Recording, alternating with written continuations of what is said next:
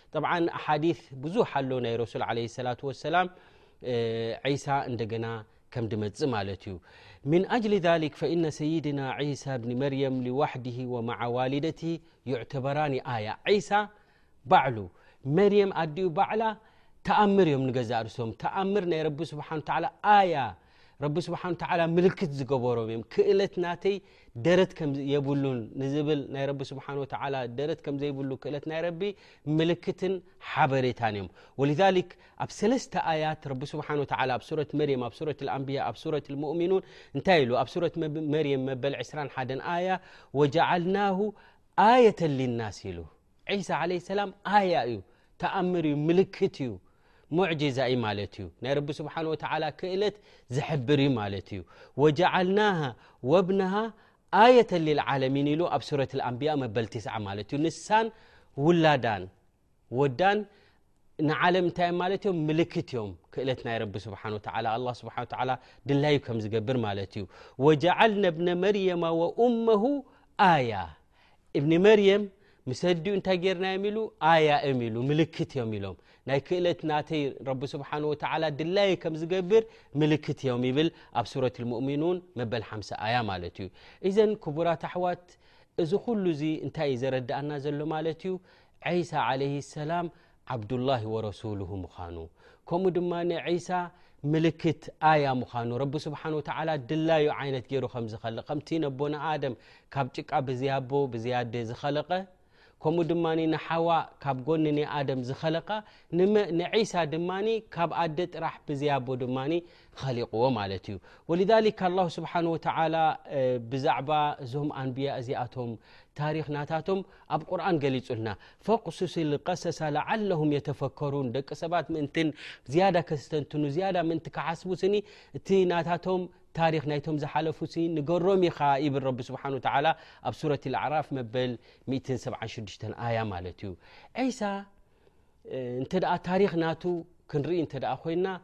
ካብ መን ይጅምር እተ ኢልካ ዒሳ ዓለ ሰላም ኣዲኡ መርየም እያ ንመርየም ድማ ኣቦኣ መን እዩ እንተ ኢልና ዕምራን ይበሃል ማለት እዩ ዕምራን እዚ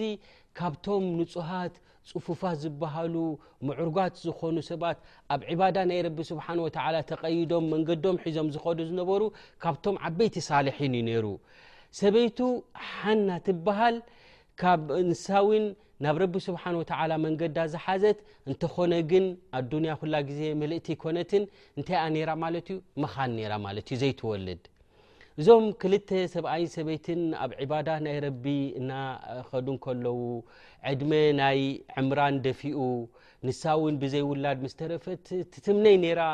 ውላድ እንተዝህልወኒ ውላድ እንተዝረክብ እናበለት እንከላ ኣላሁ ስብሓን ወተዓላ ቃዲሩን ዓላ ኩል ሸ ድላዩ ዝገብር ዝኾነ ነዛ መኻን ዝነበረት ለሚናን ረቢ ስብሓን ተዓላ ዱዓ ምስ ገበረት ረቢ ስብሓን ወተዓላ ከም ትወልድ ገይርዋ ማለት እዩ ዘውጀት ዕምራን ማለት እዩ ሕጂ ገና ኣብ ተስፋ ምቑራፅ ዝነበሩስ ሓንሳብ ኣይፀንዑን ድሕሪ ነዊሕ ዓመታትሲ እንታይ ተራእይ ማለት እዩ ጥንሲ ሒዛ ማለት እዩ ተሓጒሳ ሓጎስ ወሰን ዘይብሉ ሓጎስ ሒዛ ማለት እዩ ብምሕር ሓጎስ እንታይ ኢላ ማለት እዩ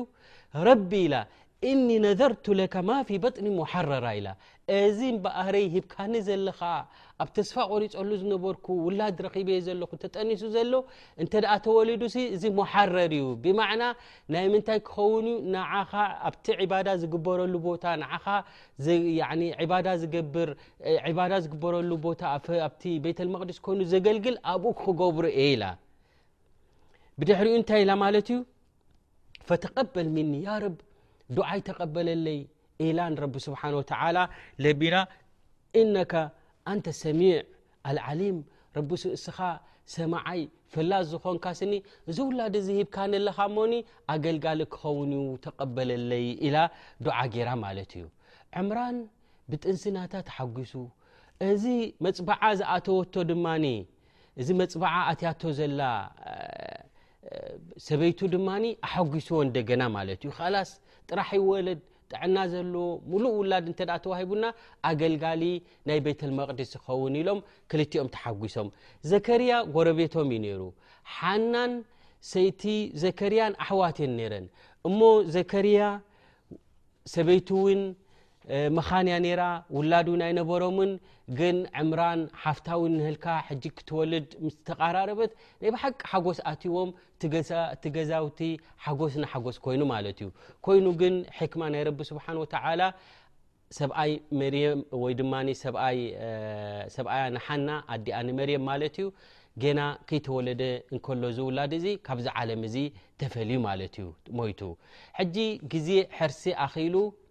ሓና እዚ ውላድ እዚ ምስ ተወለደ በቃብቲ ቤተልመቅዲስ ወሲደ ኣብኡ ኣገልጋሊ ክኸውን እዩ ኣብኡ ዕባዳ ዝገብር እዩ እናበለት ንከላ ግዜ ሕርሲ ኣኪሉ ተወሊዱ ማለት እዩ ምስ ተወለደ እንታይ ትርኢ ማለት እዩ መርየም ተወሊዳ ጓልያ ተወሊዳ ወዲ ይኮነን ማለት እዩ ፅብቅቲ ቆልዓ መልክዕ ዘለዋ ተወሊዳ ማለት እዩ እቲ መፅባዓ ዝኣተክዎ ድኣ ከመይ ክኸውን እዩ እናበለት ንከላ ሕጂ እንታይ ትብል ማለት እያ ረቢ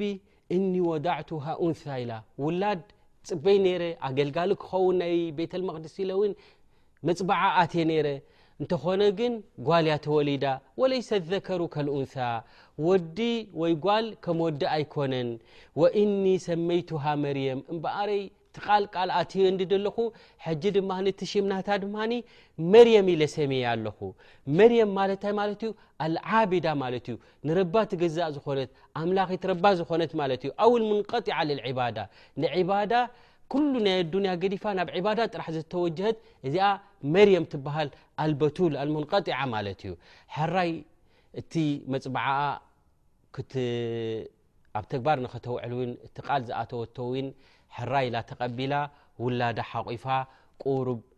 ግብዝ ምስ በለት ማለት እዩ ኣብ ዝያዳ ክትንቀሳቐስ ምስ ጀመረት ገዛ ከተፅሪ ምስ ጀመረት እምበኣር ንስኺ ናይ መፅበዓ ኢኺ ኣነ መፅበዓ ዝኣተክዎ ስለ ዝኾነ እምበኣረይ ኣብኡ ዩ ክክትከዲ ኣብቲ ቤተ መቅዲስ ተባሂሉ ንቤተ መቅዲስ ክትከይድ ተወሲኑ ማለት እዩ ኣብዚ ግዜ እዚ ኣብኡ ክትኣቱ ኣገልጋሊት ክትከውን ምስ ተባሃለ ዋ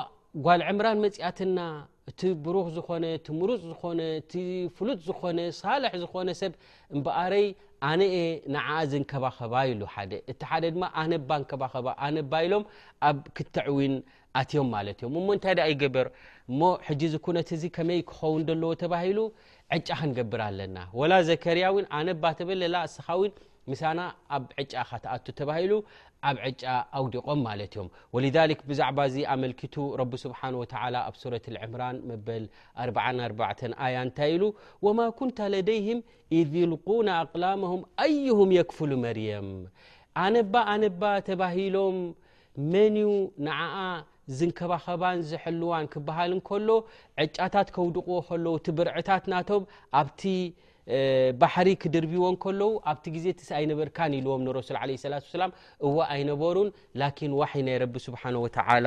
ወሪድዎም ማለት እዩ ኣይሁም የክፍሉ መርየም ወማ ኩንታ ለደይህም ኢዝ የክተስሙን ተሳሒቦም እም እባ ኣነ ባ ቀርብ ኣነ እንዴ ዘመዳ ዝበሃል ብዙሕ ነገራት ነይሩ ላኪን እምበኣረይ እተን ብርዕታት ናትና ኣብቲ ባሕሪ እሞ ንደርብዮ ሽዑ ፍልይ ኢላ ትኸደት ንበይና ዝተፈለየት ብርዒ ንሱ እዩ ዝክፈላ ተባሂሩ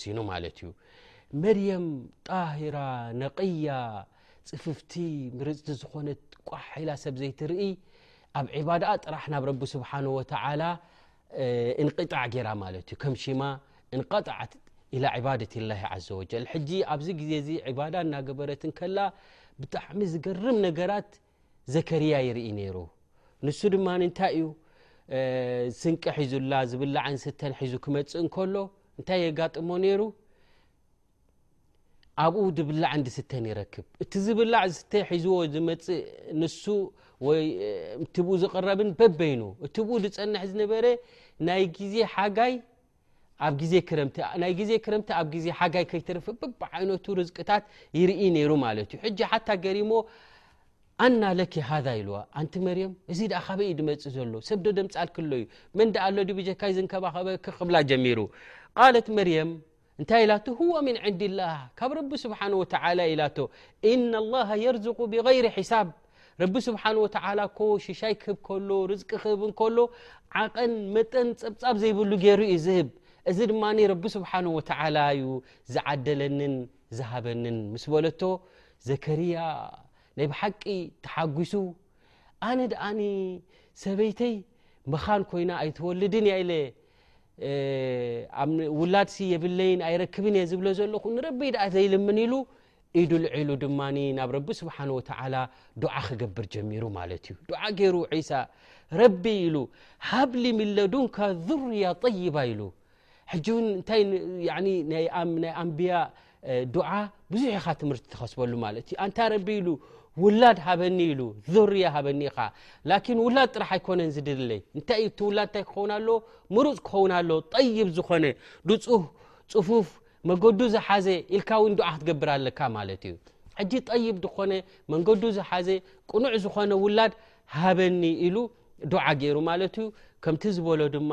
ረቢ ስብሓን ወተዓላ ብሻራ ልኢኹሉ መላካ መፅኡ ኣበሽርዎ ውላድ ክትወሃብ ኢኻ ስሙ ከይተረፈ ውን ያሕያ በሎ ተባሂሉ ተበሲሩ ማለት እዩ ያሕያ ድማ ተወሊዱ ማለት እዩ እዚ ኩሉ እዚ ካብዞም ቤተሰብ እዚኣቶም ጣሂሪን ዝኾኑ ካብ ቤተሰብ ዕምራን ጀሚርካ ረኣይ ሰይቲ ዕምራን ረኣይ ንህልካ ድማ መርየም ድማ ተወሊዳ ድማ ድሮብ ዕባዳ ኣትያስ ርዝቂ በዚ መፅኡ ዘይተባሃለ ድማ ክወሃቡ ምስ ተረኣየ እዚ ኩሉ እንታይ ገይርዎ ማለት እዩ ናብ ረቢ ስብሓን ወተላ ተደርዑ ገይሩ ውላድ ውን ረኺቡ ማለት እዩ እዚ ኩሉ ዚ ኩነት ዝካየድ ዘሎ ኣላሁ ስብሓን ወተላ ዝደለዮ ሓደ ዓብይ ትምህርቲ ሓደ ዓብይ ጉዳይ ክፍጠር ስለ ዝኾነ ተምሂዱ ዝግበር ዘሎ ሙቀዲማ እዩ ዝግበር ዘሎ ከም መቅድም ዓይነት እዩ እዚ ምክንያቱ ሓደ ዓብይ ጉዳይ ኣብዚ ዓለም እዚ ክፍጠር ስለ ዝኮነ ማለት ተራእዩ ዘይፈልጥ ሰብኣይን ሰበይትን ምስ ተራከቡ ውላድ ዝርከብ ናይ ዒሳ ላኪን ብዘይ ኣቦ ክመፅእ ስለ ዝኮነ እሞ ድማ ደቂ ሰባት ናብ ካሊእ ከየውዕልዎን ረቢ ስብሓን ወተዓላ ድላዩ ዝገብር ምዃኑን ሽሻይ ናቱ ድላዩ ዝገብር ምዃኑ ሓደ ነገር ድማ እተ ክፍፅም ደልዩ ድማ ኩን ኢሉ ስለ ዝፍፅሞ ድማ ሙቀድማ ዝኸውን በዛ ዓይነት እዚ ረቡና ዘ ወጀል መምርሒ